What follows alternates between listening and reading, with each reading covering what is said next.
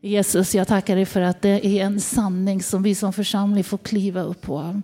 Jag tackar dig för att du är svaret på så många av frågorna i den här världen. Tack att det är makt och kraft i namnet Jesus. Och att tron på dig kan förändra situationer, att du har makt att göra under. Människor till, som är oroliga till frid, människor i, i ångest till, till, till, till, en, till en till ett tillstånd av gudomlig harmoni. Jag tackar för att vi kan få se under och tecken fysiskt men också andligt i vår värld. Och vi ber om att vi skulle få ta emot av den kraft som finns idag till att, till att tro det, till att leva i det och praktisera det och leva ut det. Det ber vi om i ditt namn. Amen, amen, amen. Tack. Den strofen får ligga kvar och liksom marinera inför den här predikan.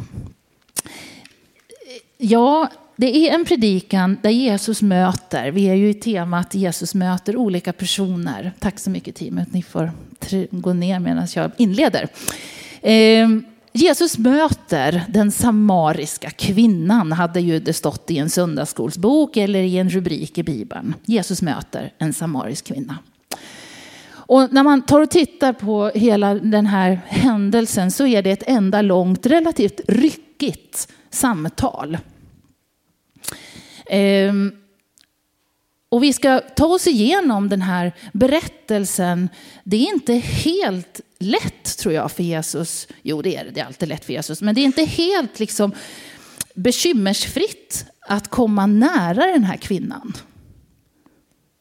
Jag vet inte, är du en stark kvinna? Du som är kvinna. Ja, här möter Jesus, man tänker att hon är en svag kvinna, någon som är ett stort behov. Och det är hon säkert också på sitt sätt, men hon är också väldigt Ja, han möter någon som har svar på tal. Gör han. Och det har jag blivit varse när jag läst den flera gånger. Och hon har blivit starkare och starkare för varje gång. Vi känner ju inte henne. Utan vi har ju ingen aning om vem hon är. Mer än att hon, att hon tillhör det samariska folket. Och att hon befinner sig i Jesu närhet. Vi vet ju ingenting om hennes styrka, hennes svagheter, vem hon är. Vi vet bara att hon är kvinna. Ehm, men det finns något i texten som ändå vittnar om hennes kaliber. Vi ska ta och titta på henne nu. Och vi går till Johannes 4. Jag är ju hela tiden i Johannes när jag lyfter fram olika möten och jag har gjort det till en, ja, en sport nästan att vara just i Johannes för att just se vad skriver Johannes om de här mötena. Men vi kan börja med att titta då hur det går till. Vi kommer att läsa i, i, i princip hela det här kapitlet med, med ett litet undantag. Johannes 4, 1-9. Är ni med? Mm. Nu får ni en sättning. Alltså det är som att Bibeln målar upp liksom en, en situation för oss. Det börjar med att, sist hade vi om Johannes döparen och nu så verkar det som att Jesus, han har fått höra att fariseerna börjar inse att han döper fler än Johannes och att det ställer till det lite i, i, i landet. Så att han drar sig undan. Det är inte dags för honom att konfrontera sen med, med, med ledningen i, i, i, liksom i, i, i Israel. Utan han drar sig undan och där börjar berättelsen. När Jesus fick veta att farisén hade hört att han fick fler lärjungar och döpte fler än Johannes, även om det inte var Jesus själv som döpte utan hans lärjungar, då lämnade han Judeen och vände tillbaka till Galileen. Han måste då ta vägen genom Samarien. Och han kom till en samarisk stad som hette Sykar, nära den mark som Jakob gav till sin son Josef. Där fanns Jakobs brunn. Jesus som var trött efter vandringen satte sig där vid brunnen och det var omkring sjätte timmen. Då kom en samarisk kvinna för att hämta vatten. Då sa Jesus till henne, ge mig lite att dricka. Hans lärjungar hade nämligen då gått bort till staden för att köpa mat. Den samariska kvinnan sa då till honom, hur kan du som är jude be mig en samarisk kvinna om något att dricka. Judarna umgås ju nämligen inte då med samarierna. Ge mig något att dricka, säger våran Jesus. Hur kan du be mig? svarar hon. Jag är från Samarien och jag är kvinna. Ja, inte bara varsågod, utan hon undrar. Det här är en människa som söker sanningen och som inte bara liksom eh, köper allt, utan faktiskt undrar och vågar fråga Jesus, hur kan du be mig om detta? Samariska folket, varför är det så speciellt? Det står här att de umgås ju inte med samarierna, de som är judar. Och det är för att det är ett blandfolk. Det är en lång tradition tillbaka. Så, så har det blivit så att just samariska folket har blandat sig ihop med anden, andra, någon annan religion, andra folkslag har man gift in sig med. Och så har det blivit en tradition att man också har börjat att fundera lite grann. Vad är, vilka är de heliga skrifterna? Och så har man lite olika åsikter om vad som är kanon, det vill säga vad som är auktoritet, texter, auktoritativa texter. Men man har också åsikter om var man ska be och tillbe Fadern, Gud själv alltså. De tänker att de ska be på berget Gerizim medan judarna då tänker att man ska be i templet i Jerusalem. Och så är det en tvistefråga. Och det gör att judarna skjuter undan detta folk och, och vill inte helst gå ens igenom Samarien som Jesus ändå väljer att göra. Men inte då umgås och framförallt inte dricka ur samma kruka. Och kanske heller inte kanske titulera och snacka med en kvinna sådär vid brunnen. Så det finns ett antal saker som inträffar här som är märkliga. Så hennes fråga är egentligen inte så konstig. Hur, och kanske att hon genuint undrar hur kan du be mig om det här? Hon kanske inte ens är nonchalant utan hon kanske är, är genuint frågande. Troligtvis. Men hon är kaxig och hon säger vad hon tänker. Det får vi säga. Hon frågar, hur kan du be mig? Vi vet att det är mitt på dagen, det är sjätte timmen, klockan tolv och, och där är det ju som varmast, solen i zenit. Oftast gick man inte och hämtade vatten klockan tolv. Utan man gjorde det kanske på morgonen eller kvällen på grund av hettan. Ofta kanske man gick tillsammans, kvinnorna fick en liten stund tillsammans, vandrade med sin kruka, hämtade vattnet och gick och snackade. Av någon anledning är hon själv på platsen. Vi kan spekulera om varför. Är det för att hon är utstött? Är det för att hon är ensam och vill vara ensam? Eller är det inte självvalt? Eller är det självvalt? Är hon en sådan som kör sitt egna race, agerar på egen hand, tycker det är skönt att slippa andras blickar? Vi vet ingenting om varför hon är där själv. Men det är hon. Brunnen ligger kanske sådär en och en halv, två kilometer utanför staden Sykar.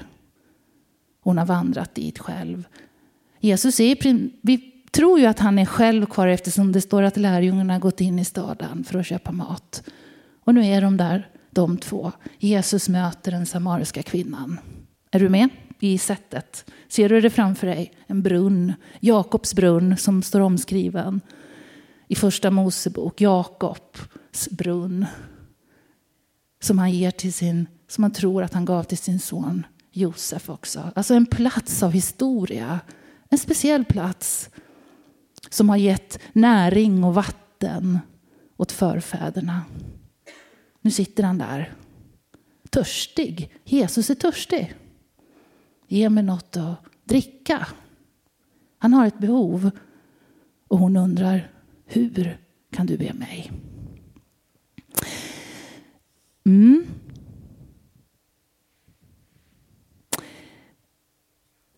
Det finns konventioner i samhället. Det finns åsikter. Det finns murar som vi människor bygger upp. Fördomar, eller hur? I det här fallet så gäller det det samariska folket och det faktum att hon är kvinna. Och kanske också att han som man pratar med henne. Det kanske var konstigt, bara det. Men han ber om en tjänst. Ja, vi går vidare i vers 10. Då står det så här i samma kapitel. Då svarar Jesus henne. Om du kände till Guds gåva och vem det är som ber dig, ge mig lite att dricka. Då skulle du ha bett honom och han hade gett dig det levande vattnet. Hon sa, Herre, du har ingen kruka och brunnen är djup. Så varifrån får du det levande vattnet? Är du större än vår fader Jakob? Han som gav oss brunnen och drack ur den själv och så hans söner och boskap. Hon möter motstånd, eller han möter motstånd även här. Vad Jesus gör är att han generöst säger att om du visste vem du talar med då skulle du ha bett mig och då hade du fått levande vatten. Men hennes motstånd är starkt. Och här är hon nonchalant tycker jag. Varifrån ska du få det där? Brunnen är djup och du har ingen kruka, du, du, du har ju inget, du har inte förutsättningarna. Är du större än våra förfäder? Kanske en genuin fråga, vem är du? Men om man inte kan se bakom det så är det ju ja, alltså det här att möta varandra. Jesus möter en människa här. Och tydligen så tål han detta sätt att vara gentemot honom. Han tål alltså att människan är ärlig och säger som det är.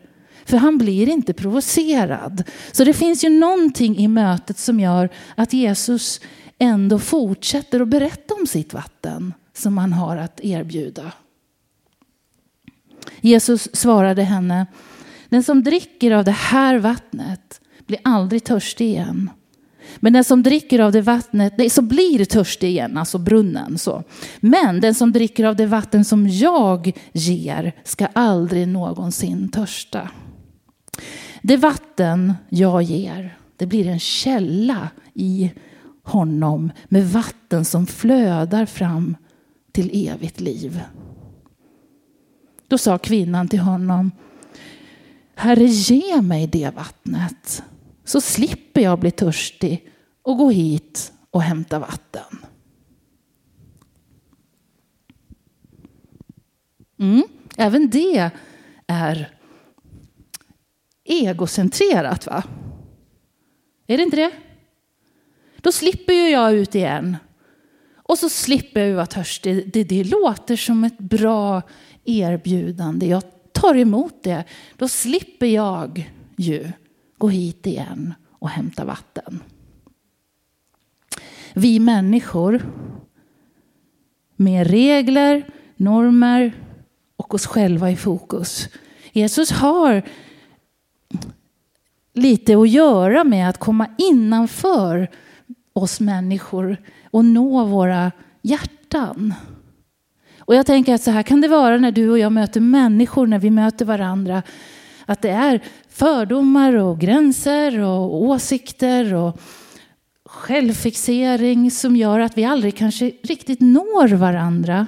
Kan vara i Guds församling, kan också vara i samhället, i mötet mellan varandra. Och det gör att vi aldrig kommer djupare in i, i, i hjärta till hjärta situationer. Håller du med mig om att det kan vara så ibland? Man känner att man studsar bara i samtalen och det går inte på djupet. Så kan du säkert kanske känna om mig som är sprudlande och glad ofta när vi träffas. Och du undrar hur ska jag komma djupare in? Alltså, alltså så kan det vara med oss alla. Att vi, alltså det, det finns ingen som... Det här är svårt att nå in i djupet och verkligen lyssna och se varandra. Så här. Jag försöker titta på er nu i rummet för att liksom, liksom illustrera att det faktiskt handlar om möten. Jesus han har nu erbjudit ett fantastiskt vatten.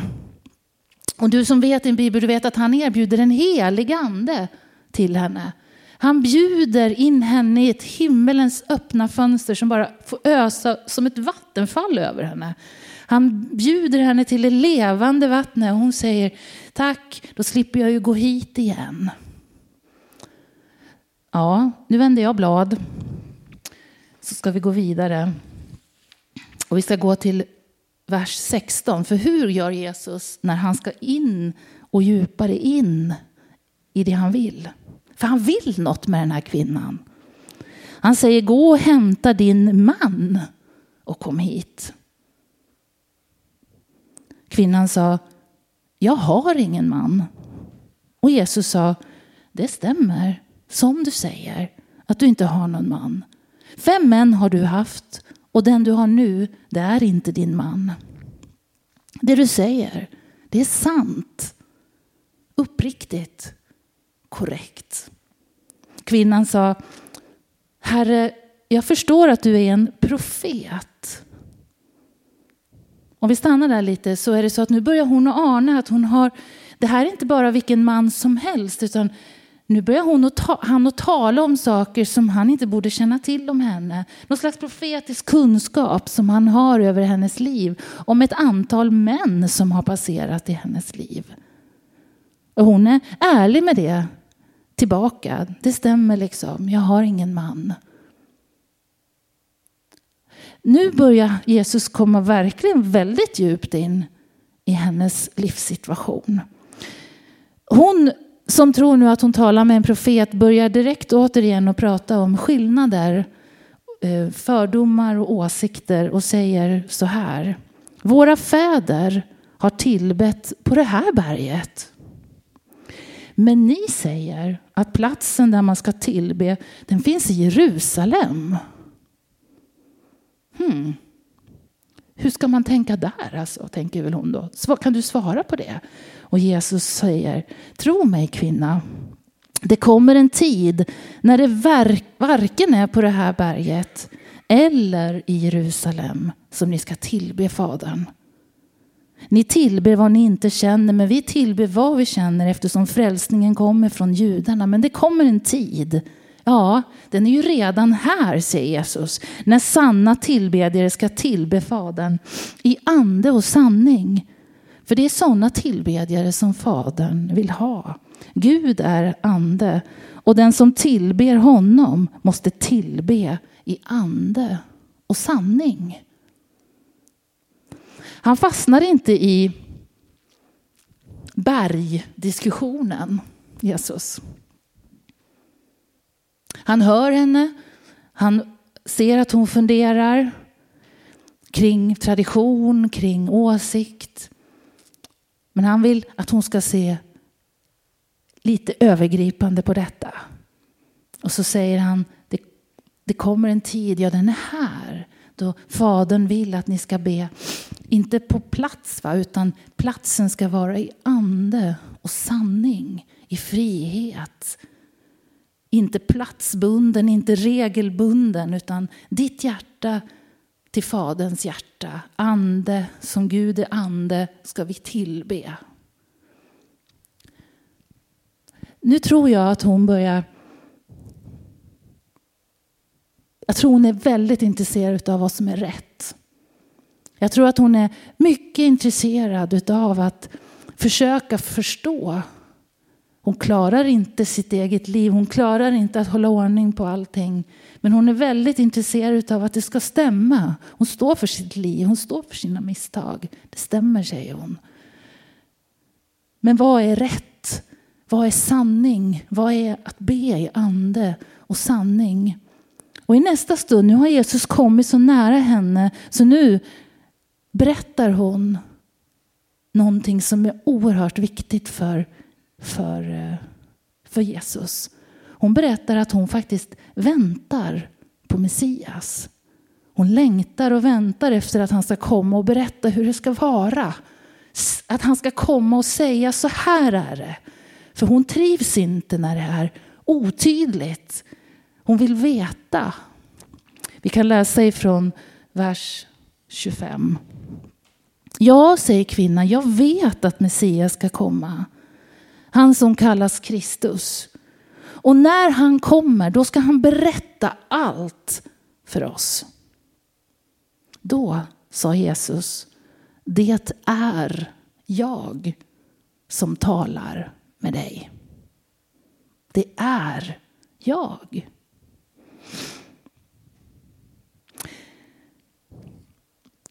Att i det här samtalet ledas in i att få höra att jag längtar efter Jesus, jag längtar efter Messias, jag längtar efter att någon ska komma och säga det sanna, det riktiga. Jag längtar efter Messias, jag längtar efter Jesus. Det är ju det som kan öppna för Jesus att komma in i livet som den han är.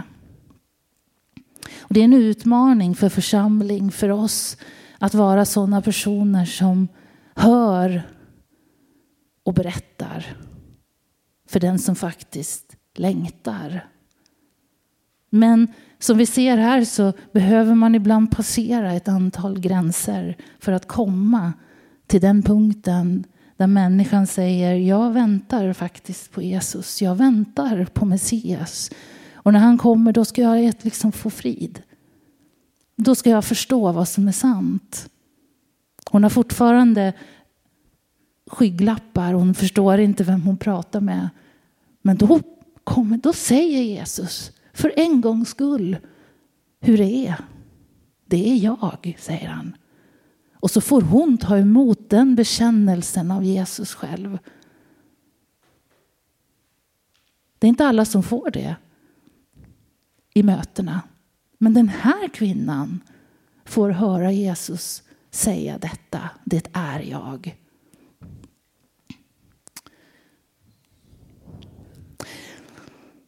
Det här leder fram till att hon ställer ner sin kruka. Då kom han, vi läser vidare. Just då så kom hans lärjungar. De blev förvånade över att han talade just med en kvinna men ingen frågade vad han ville henne och varför han talade med henne. Kvinnan hon lämnade då sin vattenkruka där och så gick hon in i sin stad och sa till folket Kom, kom, kom och se en man som har sagt mig allt vad jag har gjort. Ja, det var vittnesbördet. Han kanske är Messias. Och så gick de ut ur staden och de kom till Jesus. Så de hör alltså på henne. Så hon kan ju inte vara helt eh, bortskuffad i samhället utan hennes röst var väldigt värd någonting som kvinna faktiskt. Han kom in i staden och sa kom, kom och se, det är någon som har sagt med allt man gör. Jo, vi vet vad du har gjort. Alltså det hade ju kunnat varit en, en, en sån atmosfär, va? men det var det verkligen inte varit. Utan det är någon som har sagt med allt jag har gjort. Och det, det vi ser i berättelsen det är att folk responderar. Och de hör henne och de ser att hon måste ju ha lyst på ett nytt sätt. Det måste ju ha varit någonting inte bara i hennes ord, för det är inte så fantastiskt att veta vad hon har gjort, utan det måste ju vara någonting i ögonen, någonting i hennes hopp, någonting i hennes ton som gör att när hon vittnar om kan han, det är inte ens här hundra säkert, utan han kan han vara Messias. Han kanske är Messias. Alltså hon, hon, hon vill få med sig folket dit och så vill hon Kom och se, kom och se ni också. Och så börjar det här ringar på vattnet-principen. När Jesus möter någon som i sin tur möter flera, som i sin tur möter flera. Det sätts igång en, en, en, en ringar på vattnet händelse runt Sykar, i Sykar. Av denna samariska ifrågasättande kvinna. Och det står i vers 39 jag hoppar dit. Många samarier från den staden kom till tro på honom genom kvinnans ord när hon vittnade. Han har sagt mig allt jag gjort. När samarierna kom till Jesus så bad de att han skulle stanna hos dem. Och då stannade han där i två dagar. Och många fler kom till tro på grund av Jesu ord. Och de sa till kvinnan nu tror vi inte bara på grund av vad du har sagt. Utan nu har vi ju själva fått höra. Och vi vet nu att han verkligen är världens frälsare. Evangeliets utbredande förbi barriärer som människor har satt upp, förbi åsikter och traditioner som människor har startat och etablerat och, och kört så fast i. Jesus han tar sig förbi i detta samtal rätt in till hjärtat. Och hon i sin tur får vara med och sprida och berätta, förkunna, vittna att Jesus har rört vid henne, att han har betytt någonting och de blir intresserade och så kommer de till tro när han talar. En oerhört vacker berättelse när Jesus faktiskt tar evangeliet från judarna över gränsen via kvinnan med ett brokigt förflutet in till ett nytt område, Samarien. Att bryta ny mark. Att nå in i hjärtats mark liksom, till varje människa är den helige Andes uppgift. Det här är vad Gud jobbar med. Det här är hans, hans, liksom, hans syfte med församlingen. Det är därför han sänder Jesus. Det är för att bryta mark, för att nå människors hjärtan, för att utföra det han liksom är sänd till. Och här får vi se hur han jobbar sig in i en nyckelpersons liv som får vara med och förändra sin stad. Församlingens uppgift.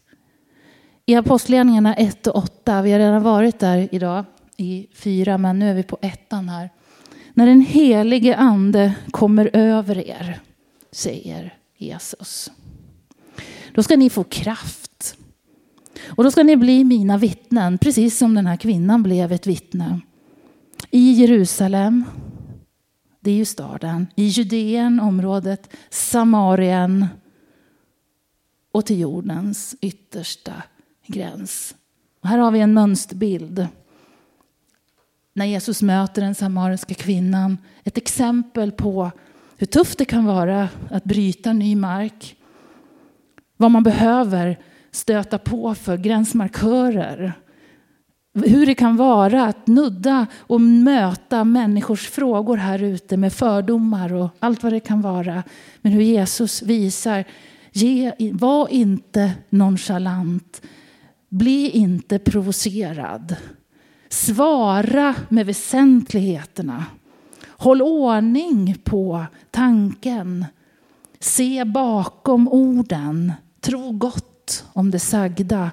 Men håll fast vad du vill i ditt samtal, vad du vill i ditt vittnesbörd. Var är du på väg? Vad säger den helige ande i dig till din nästa? Vart är ni på väg? Det låter som Christian Luuk, va? Vart är vi på väg? Jo, men vi är på väg in i hjärtat till människor, till de väsentliga frågorna. Och det ska gå via omsorg, kärlek, lyhördhet, omsorg. Och att då tar man sig förbi gränser, fördomar och så når evangeliet fram. Hur ska det gå till? Jo, när den helige ande kommer över er. Då ska ni få kraft. Det här är ingenting som vi klarar på egen hand. Vi kan vara smarta, det är vi. Gud har gjort oss fantastiskt intelligenta och sociala. Vi kan läsa varandra. Men när vi möter tokigheter och felaktigheter och ifrågasättanden och allt vad det kan vara, då behöver vi den heliga Andes vishet för att rätt navigera oss förbi de hinder som möts, inte bara till geografiska nya områden över vår jord till med evangeliet, men också in till människors liv. Vi behöver Jesu kärlek för att bryta gränser. Hans kraft. Det här är en berättelse om evangeliets utbredande, men det är också en berättelse av törst. Eller hur? Jag vet inte, har du varit så där törstig någon gång? Ni vet, man bara, åh, tänk en Loka-flaska. Alltså det, när, man är, när man har kanske varit ute och så vet, man har inget vatten. Alltså det är ju fruktansvärt att vara utan vatten. Vi, vi, vi, vi, står ju, vi klarar oss ju inte. Jag vet inte hur, är det någon läkare här som vet hur länge vi klarar oss utan vatten egentligen? Vet ni det? Ett dygn eller? Vad sa du? Tre dagar? Okej. Okay.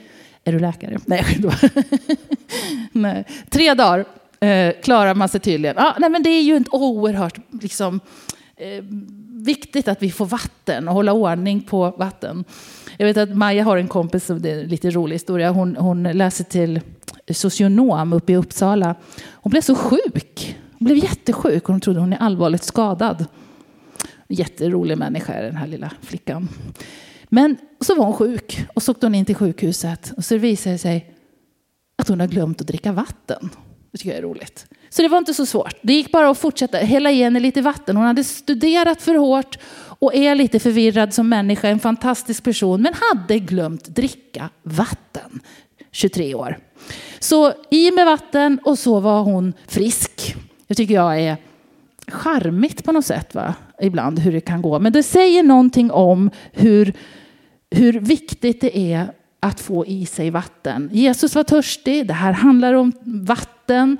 Det handlar om att kvinnan måste gå och kämpa för sitt vatten. Åh, vad bra om du kan ge mig vatten så slipper jag gå och kämpa för mitt vatten. Vi har ju inte riktigt samma problem. Men Jesus han väljer ju att ta denna bild av törst och vatten för att tala om den helige ande. Det vet vi, eller? Att det är en bild av detta. Det levande vattnet är den vattnet som kommer ifrån himlen. Så den här berättelsen handlar inte bara om evangeliets utbredande, det handlar också om vikten av att du och jag tar in av den helige ande. Och läser man texterna och tänker det här är den helige ande. Det ska bli liksom som ett vatten som bryter fram och ger evigt liv. Som Jesus har sagt till henne, som hon inte liksom förstod. Va? Som vi kan läsa nu retrospektivt, liksom läsa och titta på. Då inser vi, wow vad Jesus berättar om den helige ande för henne. Och hon, det går över huvudet på henne. För hon tror att hon, han talar om något annat eh, brunnsvatten eller liksom någon slags källvatten eller vad det kan vara. Va? Skillnaden däremellan. Men Jesus talar om, om, om anden. Och jag tror att finns det någonting som församlingen över vår värld idag behöver så är det en påfyllelse av den helige ande för den tid som är.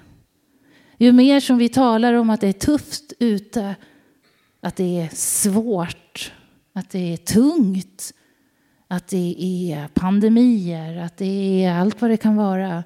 Ekonomisk kollaps, gas, läckor i, i vårt hav.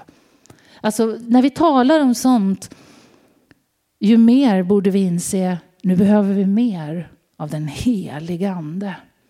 Det är exakt Alltså den nyheten återspeglar direkt det stora behovet som församlingen har att få mer kraft, att få mer av den heliga ande. Att förstå att här behöver jag be om att få det här vattnet som flödar i mig så att inte jag går runt och är också törstig andligen. Utan här behöver jag vara fylld så det bara strömmar över av den heliga ande i mitt liv. Om jag ska orka höra allt detta, navigera i detta och kunna också använda tiden som är på det sätt som Gud vill. Jag ska också kunna kliva på de svårigheter som kommer emot mig tillsammans med den heliga ande. Här behöver du och jag be om påfyllnad och uppfyllelse och refreshment av den helige ande dagligen. Bara några kapitel senare, om vi håller oss i Johannes 7, så står Jesus på lövhyddehögtiden i, i staden och ropar. 7.37. På sista dagen den största i högtiden. Så stod Jesus och så ropar han. tänkte Jesus. Nu ropar han till alla. Om någon är törstig, kom till mig och drick. Den som tror på mig, som skriften säger, ur hans innersta ska strömmar av levande vatten flyta fram. Och det sa han om anden. Som de skulle få som trodde på honom. Anden hade nämligen inte kommit än eftersom Jesus ännu inte hade blivit förhärligad. Kom till mig och drick. Kom till mig och ta emot av den helige Ande. Just det här utgivandet. Om du hade förstått vem jag är, då hade du bett mig. Och då hade du fått det levande vattnet. Vem tror du att du är? Är, han, är svaret. Va? Men han fortsätter och han når till den här kvinnan. Nu står han här igen och man kan tycka liksom att stå där och ropa. Ja, han står där och ropar. Medan prästerna process, process, det, går i process, nej det heter det inte, procession. De går i procession runt, runt med sina kar och håller upp sitt vatten och går till templet. Och det, det, är, en, det är en tradition som pågår i lövhyddohuggtiden, Svåra ord idag. Då, då står Jesus där och påstår att han har levande vatten. Kom till mig alla ni som är törstiga och drick så ska du få levande vatten. Och jag tror att som församling att faktiskt idag också inte bara bekänna att Jesus han är svaret för vår värld idag. Och han har makt att göra under än idag. Att sjunga ut det med, med sanningen och med att, att tro det kräver ande. Är du med på den? Att tro att Jesus är svaret för vår värld idag. Att han har makt att göra under än idag. Det är en tillbedjan, en proklamation sagd. Inte bara av, av sanning utan av ande. Och det är sådana tillbedjare som Fadern vill ha. Ja, Jesus, han är svaret. Vi ska be tillsammans. Och i vår avslutning så vill jag utmana dig som eh, längtar precis som den här kvinnan efter vad är sant? Vad är sanning? Och Jesus säger jag vill också ge dig av den heliga Ande ta ut liksom det himlen har för den här dagen, för den här tiden. Av det som är sant och det som är ande. Vi kommer att sjunga tillsammans och vi kommer, vi kommer att öppna vår förbönsplats. Och jag tar det tillfället. Kanske så är det dags för ett nytt tungotal i ditt liv. Du är i en pingstkyrka. Här tror vi på den heliga Ande. Kanske är det så att idag så behöver du bara gråta ut inför, en, inför Gud själv och säga fyll mig på nytt med din heliga Ande. Det var länge sedan som du berörde mig med din heliga Ande. Den heliga Ande kan komma som en viskning. Den heliga Ande kan komma bara liksom som, som ett sus. Va? Den heliga Ande kan också komma i form av att man blir tårfylld eller att man känner någonting. Oavsett det så tror jag att Gud hör din bön om den heliga Ande. Och det är mer av ett faktum att när du ber om helig Ande i ditt liv så är det ingen känsla utan det är vad himmelen ger dig då.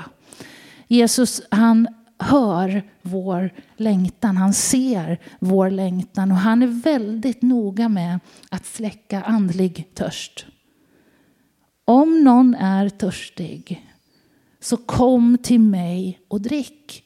Om du törstar och längtar och är frustrerad, kom till mig och drick. Då är det som att bli, man får en loka. Eller man får dropp som den här tjejen i Uppsala och så mår man bättre andligt. Det vill jag uppmuntra dig till idag. Och jag säger välkommen fram då till lovsångsteamet och jag vet att vi har våra förebedjare här. Och jag tänker vi, jag tror vi ska stå upp tillsammans. Eh, lite alerta. Och så ber vi om kraft ifrån höjden att bryta ny mark och hitta in i nya livssituationer och in i olika hjärtan. Jag ber helige Ande nu för vårt så kallade eftermöte. Vi ber för det som sker just nu. Jag tackar för att du kan få, vi får be om att du får öppna himmelens fönster och utgjuta av din heliga Ande. Tack att vi får ta emot gåvan som du har lovat. Att det är fritt och förintet att öppna sitt hjärta och be. Jag är törstig, fyll mig med ditt heliga vatten. Tack att du ropar ifrån himlen, att det går ut ett rop om att är du törstig, är du törstig, vänd dig till mig. Tro på Jesus och ta emot av den helige ande är receptet. Och jag tackar dig för att idag så får vi tro det och vi får gå ut på det. Om att du är också svaret, inte bara för våra egna liv utan också för den värld som vi lever i nu. Tack att du älskar vår värld. Tack att du älskar varje människa. Tack för att i allt det här som händer som är något som sker här på jorden så pågår det också något ifrån din himmel som vi som församling får träda in i. Tack att samtidigt som det sker saker med gasläckor och allt vad det är så sker också saker därför att du helige ande är färdig. Du jobbar, du gör saker. Du breder ut ditt rike och du, du fyller människor med frid och med harmoni och med, fri, med syndernas förlåtelse. Jag tackar dig för att det finns ett flöde från himlen som går rätt in i situationer som är tunga. Jag tackar dig för alla gånger som du öppnar himlens fönster över hopplösa liv, över hopplösa situationer. Och jag ber Jesus att din församling skulle fyllas med den längtan efter att fylla behov, att se behov, att klara av att vara så fyllda med din heliga Ande att det flödar tro och liv, att det flödar värme och barmhärtighet, att det flödar kärlek ifrån din tron genom din församling och ut till våran värld. Jag tackar dig för att du är svaret för vår värld idag. Jag tackar dig Jesus för vad du har gjort för att få vara det svaret. Tack för vad du har betalat för att vara det svaret.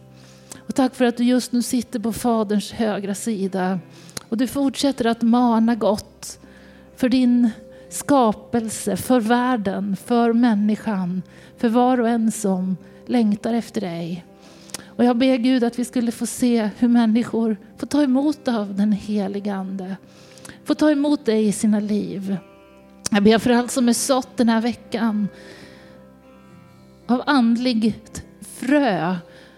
Du ser det som skedde kanske upp i spåret som vi inte vet. Och det vi faktiskt vet skedde när vi hade vårt spring. Du ser allt det andra som vi har gjort när vi har mött människor och känt att du heliga Ande har varit med. Hjälp oss att varje dag utföra ditt goda verk. Speciellt i den här tiden. Tack att vi får leva just nu. Tack att du har satt oss här just nu. Tack att vi får vara din församling just nu. Tack att vi får vara här just nu. Tack att vi får stå bredvid varandra i den här lokalen just nu. Som en grupp av människor som vill tjäna dig och hylla dig med våra liv. Tack för historien i den här lokalen. Tack för framtiden för församling. Jag ber Jesus att du ska komma med din heliga Ande och tala också nytt, fylla med kraft och hopp i ditt namn. Amen.